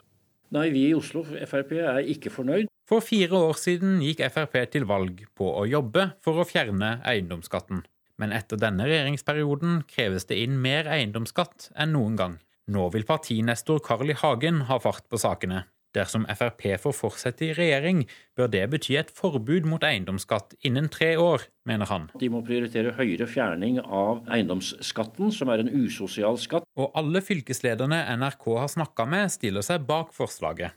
Per Sandberg, som leder programarbeidet, har likevel ikke ville konkretisere programformuleringa fra fire år siden, om å jobbe for et forbud. Alle vet at vi er imot eiendomsskatt, så at det kommer en resolusjon nå fra Oslo, så blir det behandla på landsmøtet vårt. Så hvis landsmøtet sier at uh, man krever at det skal fremmes lovendringsforslag i Stortinget, så er jeg rimelig sikker på at vår stortingsgruppe vil fremme et lovendringsforslag i, i Stortinget.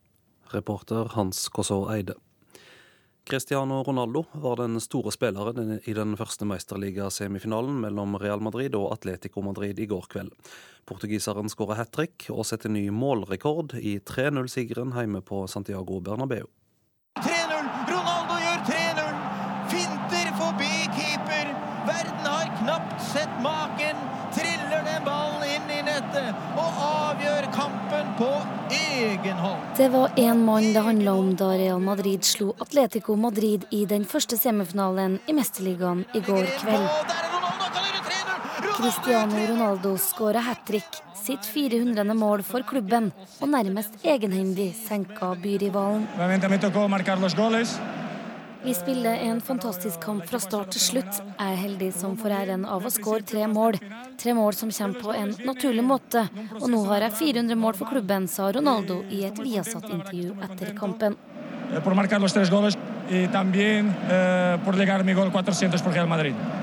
Reporter Kristine Norvik Skeide. Du hørte også kommentator Olav Tråen.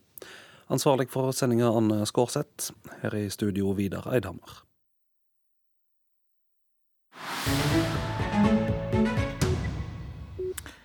Og det er eh, Nyhetsmorgen du lytter til. Absurd er et stikkord når norske medierådgivere skal beskrive president Donald Trumps første 100 dager i Det hvite hus. Reporter Anders Tvegård har eh, mer. Right det er vel 100 dager som har en overvekt av å forklare hva han ikke har fått til. I, Donald John Trump. Og han kommer til å slite med at han er kunnskapsløs så lenge han sitter som president. So help me God. So help me God. Congratulations, Mr. President. Han er den eldste som er tatt i ed som president. Nummer 45 i rekka. Målinger viser at om valget var i dag, hadde det blitt samme utfall. Men målingene viser også at Trump 100 dager etter får tidenes laveste score for jobben han har gjort så langt. What follows is my 100-day action plan. Den ambisiøse kontrakten med den amerikanske velger er langt fra oppfylt. Men kjernevelgerne ser ut til å ha troen fortsatt. Kommunikasjonsrådgivere og lobbyister her hjemme er ikke imponert over Trump-administrasjonens 100 første. Først Rune Mørk Wergeland. Du ville jo blitt sagt opp hvis dette hadde vært en, i en ledergruppe i et stort norsk selskap, eller et stort amerikansk selskap, som skulle presentere researchen sin innenfor styret og dagen etter blir tatt i så grove feil, så hadde du mista jobben. Han er rådgiver i Wergeland Apenes og tidligere børsen Marsteller Topp. Wergeland mener en antatt styrke fra styrerommet fort kan bli en svakhet i det ovale kontor. Du kan tenke deg det Hvis du har en finansdirektør i et norsk børsnotert selskap, så er du ikke sikker på at vedkommende ville vært utmerket som sykehusdirektør dagen etter.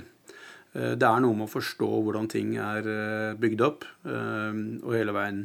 Så det fungerer nok mye bedre som retorikk å få velgere. Det er ikke sikkert det fungerer i praksis. Vi er i en what you see is what you get-situasjon. Sist her var stemmen til Morten Wetland på linje fra New York. Han er lobbyist i First House og tidligere FN-ambassadør og statssekretær. Vi ser vel en leder som er ganske overveldet over det han ser rundt seg en slags eh, jeppe i baronens seng i Det hvite hus, som eh, begynner å forstå at det er ikke bare å sitte der og treffe beslutninger. Han er en del av en maktfordeling og et amerikansk system som omfatter kongresser og domstoler, og det ser ikke ut til at han var forberedt på. da. It's not a Muslim ban, but we're totally prepared. It's working out very nicely. Om det gikk smidig da Trump over natta ville begrense innreisemulighetene midlertidig fra noen land, er det minst to oppfatninger av. Domstolene har stanset presidentordrene, og der ligger de fortsatt. Trump har også møtt motstand i Kongressen, no just... der partiet hans kontrollerer begge kamrene.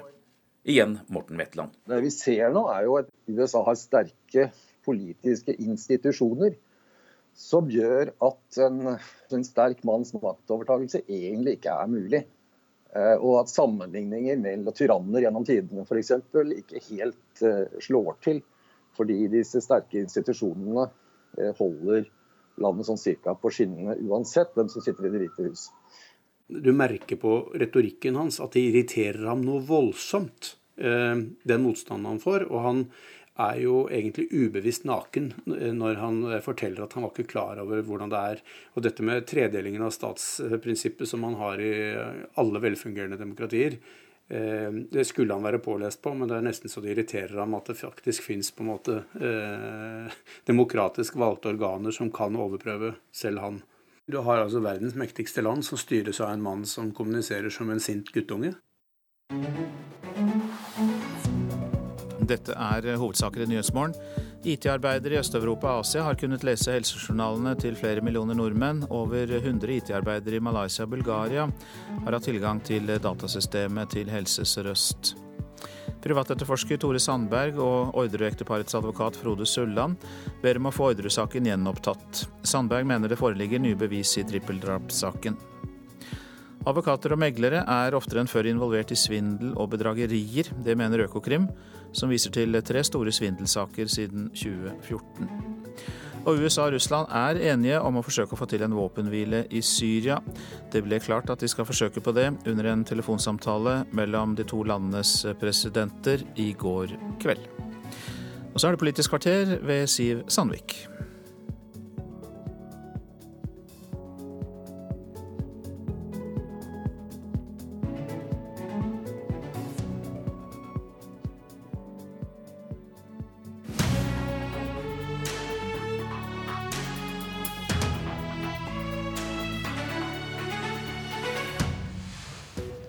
Skattekutt i milliardklassen gir flere fagorganiserte, mener Arbeiderpartiet.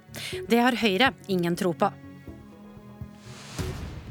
Velkommen til et politisk kvarter i bakvendtland, der Arbeiderpartiet skal argumentere for lavere skatt som politisk virkemiddel, mens Høyre skal avfeie det som dyrt og uten effekt. Men først skal vi ta en annen debatt der eh, alt ikke er som vanlig. For her står finansnæringa og SV på samme side mot Høyre og Fremskrittspartiet. Vi snakker om oljefondet og investeringer i fornybar energi som ikke er på børs. I dag kan oljefondet investere i aksjer, obligasjoner og eiendom. De ønsker også å investere i såkalt unotert infrastruktur, som f.eks. en havn eller en vindmøllepark. Det er også du veldig for, Kari Elisabeth Kaski i SV. Hvorfor det? Fordi verden har et stort behov for at vi får vridd investeringene over på fornybar infrastruktur. Vi skal kutte klimagassutslippene, vi skal dekke energibehovet til eh, en voksende befolkning, men vi må sørge for at det er med ren energi. Da kan oljefondet være en viktig bidragsyter til det. Det vil både, hvis, hvis vi lar oljefondet få investere bare 5% eller opp mot 5% av sin portefølje i fornybar infrastruktur, så kan vi kutte opp mot 35 ganger Norge sine klimagassutslipp. Oljefondet vil gå foran som en bjellesau og synliggjøre for andre investorer at det, det her potensialet, det her markedet fins. Og vi vil bidra til å spre risiko eh, eh, gjennom å investere på, i flere områder og investere i et voksende marked, i stedet for, sånn som vi gjør i dag, investere i mye fossil energi. Svein Flåtten, finanspolitisk eh, talsperson i Høyre. Du er uenig. Hvorfor bør oljefondet ikke investere i prosjekter som kraftlinjer og fornybar strømproduksjon eh, fra vind og sol? La meg først si at det er en forskjell på finansnæringen og Kaski og SV her. og Det er at finansnæringen snakker om eh, rene eh, investeringer, slik som oljefondet skal gjøre for å få mest mulig avkastning. Nå ønsker Kaski å bruke dette klimapolitisk, og det har vært stor enighet om. At vi skal ikke bruke fondet verken eh, som et klimapolitisk virkemiddel eller som et utenrikspolitisk virkemiddel. Men til spørsmålet så mener jeg det er en betydelig risiko ved å investere i unotert infrastruktur. For vi må gå inn med store andeler. Det vil være i fremmede land. Eh, det vil være en politisk risiko. Det vil være en regulatorisk risiko. Vi kjenner alle debatten hjemme her om arvesølvet når det er snakk om å kanskje selge eller privatisere våre egne ting. Akkurat den samme diskusjonen kan vi risikere i andre land. Det kan bli et betydelig omdømmerisiko, at her vil fondet bli en veldig synlig eier. Ikke som når vi investerer i aksjer rundt omkring i verden. Her vil man bli veldig synlig. Skjer det noe, blir det diskusjoner rundt dette, geopolitisk eller på annen måte, så blir det betydelig omdømmerisiko for fondet, kanskje også for Norge. Så og i tillegg så er det betydelige kostnader ved å investere i infrastruktur. Det kom frem på høringene i Stortinget i går at allerede i Vi investerer jo en del i unotert eiendom. 20% av de ansatte i Norges Bank arbeider med 2,5% av fondets verdier. Ved å gå inn i unotert infrastruktur så får vi det samme på nytt. Det er altså investeringen i aksjer, som vi også nå øker, som er det mest effektive for å oppnå det som er målet med fondet. Høyest mulig avkastning, mm. unnskyld, moderat risiko. Men Flåtten, Hva med argumentene fra finansbransjen som mener at dette vil gi god avkastning, en mer stabil kontantstrøm og lavere samla risiko i porteføljen? Jeg tror ikke det blir en lavere risiko i porteføljen av dette, men jeg er helt enig i at vi skal ha en diversifisering. Men vi bør gå langsomt frem. Og så skal man være klar over at eh, nå foreslår regjeringen også å øke aksjeandelen opp til 70% Det er også risiko ved, men det er en kjent risiko. I unotert infrastruktur så er det ganske mye som ikke er kjent, både ved forvaltningen, ved styringen av det. og Derfor så mener vi at her bør man fortsatt ile langsomt. Og I tillegg er det slik at hvert fjerde år så har gjerne Stortinget da sett på investeringsstrategiene, både de som har vært brukt og de som kan komme. Det mener jeg man skal fortsette ved. Det fjerde året er det neste året. Da kan det være kanskje gunstig med en ny runde, også om dette. Kaski, risikoen er for stor? Jeg syns det er eh, pussig å høre på Flåtten sin argumentasjon her. fordi det her er jo altså noe som eh, Norges Bank har bedt om å få gjøre siden 2006. I elleve år så har vi holdt på med denne runddansen her. Det er samlet, eh, et samla råd fra internasjonale og nasjonale aktører innenfor eh, for økonomi, innenfor miljø, innenfor bistandsbransjen og innenfor, eh, og innenfor flere andre rådgivende organer. Og selvsagt skal vi stå på avkastningskravet. Det er ingen som sier at vi skal gi dette i, i, som gavmilde eh, gaver, holdt på å si. Vi skal stå på avkastningskravet, men nettopp ut ifra hensynet til vår framtidige pensjon og eh, hensynet til framtidig klima, så er det klokt å spre investeringene våre. Det er klokt å investere i det raskest voksende markedet. For tida, altså, investeringene i fornybar energi vokser mye mer enn investeringene i fossil energi. og Derfor synes jeg det er noe umoderne og mener at vi skal rett og slett utelukke fondet, for det er det det handler om. Utelukke at fondet får lov til å investere i det her raskt voksende markedet.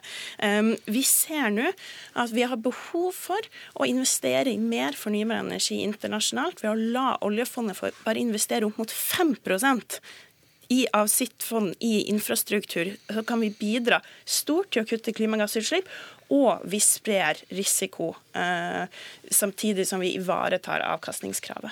Det høres ut som eh, to fluer i én smekk. Jeg tror ikke vi er veldig umoderne og, og, lite fremtidsrettet. Det har vi virkelig vært når det gjelder å investere i oljefondet.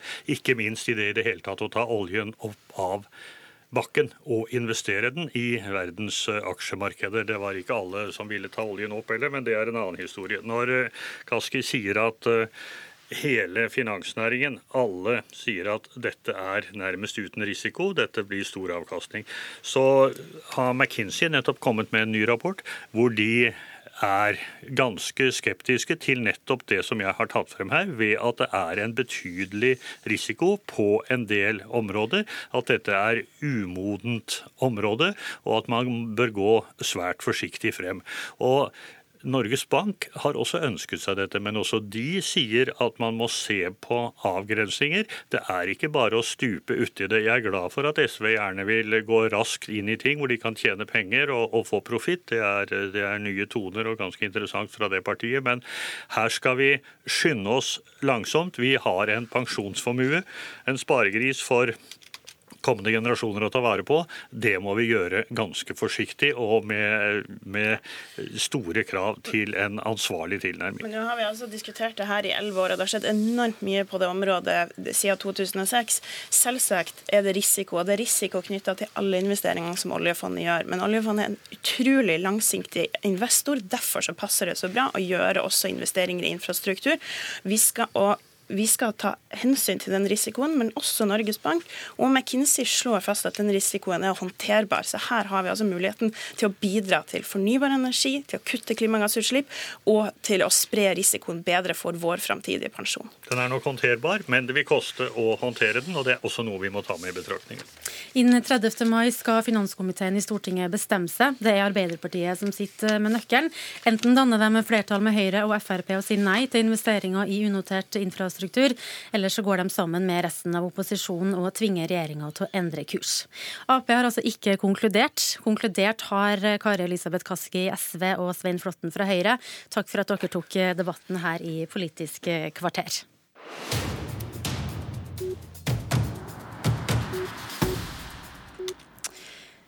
Nå skal vi skifte tema. Vi skal snakke om det som heter organisasjonsgrad, altså hvor mange av arbeidstakerne i Norge som er fagorganisert. Den organisasjonsgraden er synkende. Både Høyre og Arbeiderpartiet er bekymra over det. Arbeiderpartiet vil bøte på det med å ha en ved å ha et Vi har et fagforeningsfradrag i dag Arbeiderpartiet vil doble det neste periode dersom de kommer til makta. Stefan Heggelund, stortingsrepresentant eh, fra Høyre. Du tviler på at lavere skatt til fagforeningsmedlemmer er det som skal til. Hvorfor det?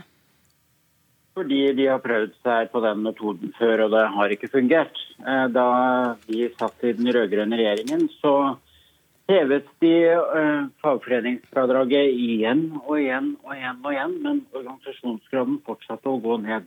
Så for meg så er dette bare en quick fix-løsning som bare er quick og ikke er fix, for å si det sånn. Det er ikke noe garanti eller noen beviser for at dette skulle løse noe som helst. Hvis man skal få organisasjonsgraden opp, så mener jeg at vi må se på dette som en mye mer kompleks problemstilling. Vi må se på hvorfor er det at folk i Norge ikke ønsker å fagorganisere seg? Hvorfor er det at man sliter med å få tillitsvalgte i de ulike fagorganisasjonene? Og så må vi gå inn og se på dette som en, en, større utfordring enn bare at man kan eh, doble fagforeningsfradraget. Men er det ikke god høyrepolitikk å bruke skattekutt som gulrot eh, for å oppnå det man vil?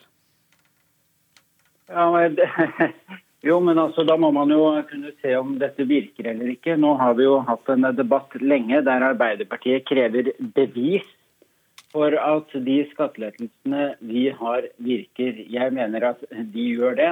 Her har vi da en skattelettelse som eh, Arbeiderpartiet vel skal bruke 1 milliard kroner på.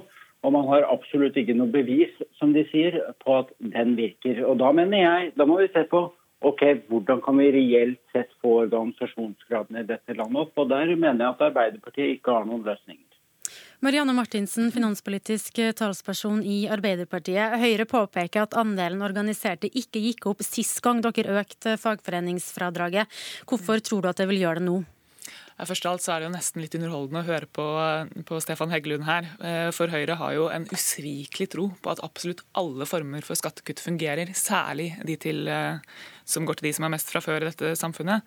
Men, men ikke dette ene, som går helt målretta til å stimulere til at uh, landets arbeidstakere skal fagorganisere seg. Og så snakker jo Heggelund her som om det eneste som skjedde under den rød-grønne regjeringsperioden var at man økte fagforeningsfradraget, og så var det for øvrig ingen utvikling i norsk arbeidsmarked. Det var det selvsagt, og det vet eh, Heggelund utmerket godt. Blant annet så fikk vi jo østutvidelsen i 2004, eh, som kombinert med en høykonjunktur i norsk økonomi gjorde at vi hadde tidenes vekst i arbeidsinnvandring. Eh, og, jeg er helt sikker på at Heggelund også forstår at det å rekruttere inn folk som kommer til Norge som arbeidsinnvandrere, snakker et annet språk, ikke kjenner norsk arbeidskultur, er en betydelig vanskeligere jobb eh, enn å holde organisasjonsgraden oppe i, i perioder hvor vi ikke ser en sånn type utvikling. Det er en vanskeligere jobb, men hvorfor ikke da bruke en milliard på å prøve å få til det, da? Fordi at dette fradraget går helt målretta til å stimulere til fagorganisering. sånn at Det er ikke så veldig mange andre måter å bruke en milliard mer målretta enn det for å få den effekten. Og så er jo jeg enig med Heggelund selvsagt i at hele svaret ligger ikke i dette skattefradraget. Eh, vi, vi, må, vi, vi, er nødt til å kreve at fagorganisasjonene også tar mer ansvar. Vi har f.eks. sett nå at, eh, at, Fellesforbundet de siste åra har brukt mye ressurser på å oppsøke folk ute på byggeplassene, oppsøke også de som har en, eh, en, en annen bakgrunn enn norsk, for å aktivt stimulere til at folk faktisk blir medlem av en fagforening. Og Dette handler jo ikke bare om at det er bra for den enkelte, for den enkelte arbeidstaker å være organisert for å kunne ivareta sine egne rettigheter, men dette handler om at trepartssamarbeidet og vår modell for lønnsdannelse faktisk skal fungere. Og Det er så viktig for norsk økonomi og for vår konkurranseevne. Det så vi jo da oljeprisen falt for to og et halvt år siden hvordan partene tok ansvar, satte seg til bordet, ble enige om nulloppgjør av hensyn til vår konkurranseutsatte industri, som var i en svært krevende situasjon. Og Dette krever jo at vi faktisk har representative parter ved bordet, og det er det som står på spill når organisasjonsgraden fortsetter å falle eh, og havner under 50% Men Martinsen, men Martinsen, bare for det første si det dere pleier å si til oss. Dere har jo ikke noe bevis for at dette virker. Snarere tvert imot. Og Nå tror ikke jeg det er sånn at fordi dere hevet det, så gikk organisasjonsgraden ned. Jeg bare sier at eh, dere har absolutt ikke noe bevis som dere pleier å si, på at denne skattelettelsen virker. Men la oss snakke litt om hva Men det sier seg jo selv, Heggelund, at når du skal ut og rekruttere folk til fagorganisering, så er det enklere med et dobla skattefradrag. Så nå er det jeg som har ordet. ok? Du har ordet. Eh, Kort tid til. Ja, det virket ikke. ikke sant? Men jeg, for jeg er helt enig med Marianne Martinsen i at organisasjonsgraden må opp. Og da mener jeg Jeg leste en artikkel for ikke så lenge siden, og da sto, sto det Den artikkelen rekker du ikke å komme inn på, Stefan Heggelund. Sendinga er over. Politisk kvarter ble da gleda av Siv Sandvik. Hør flere podkaster på nrk.no podkast.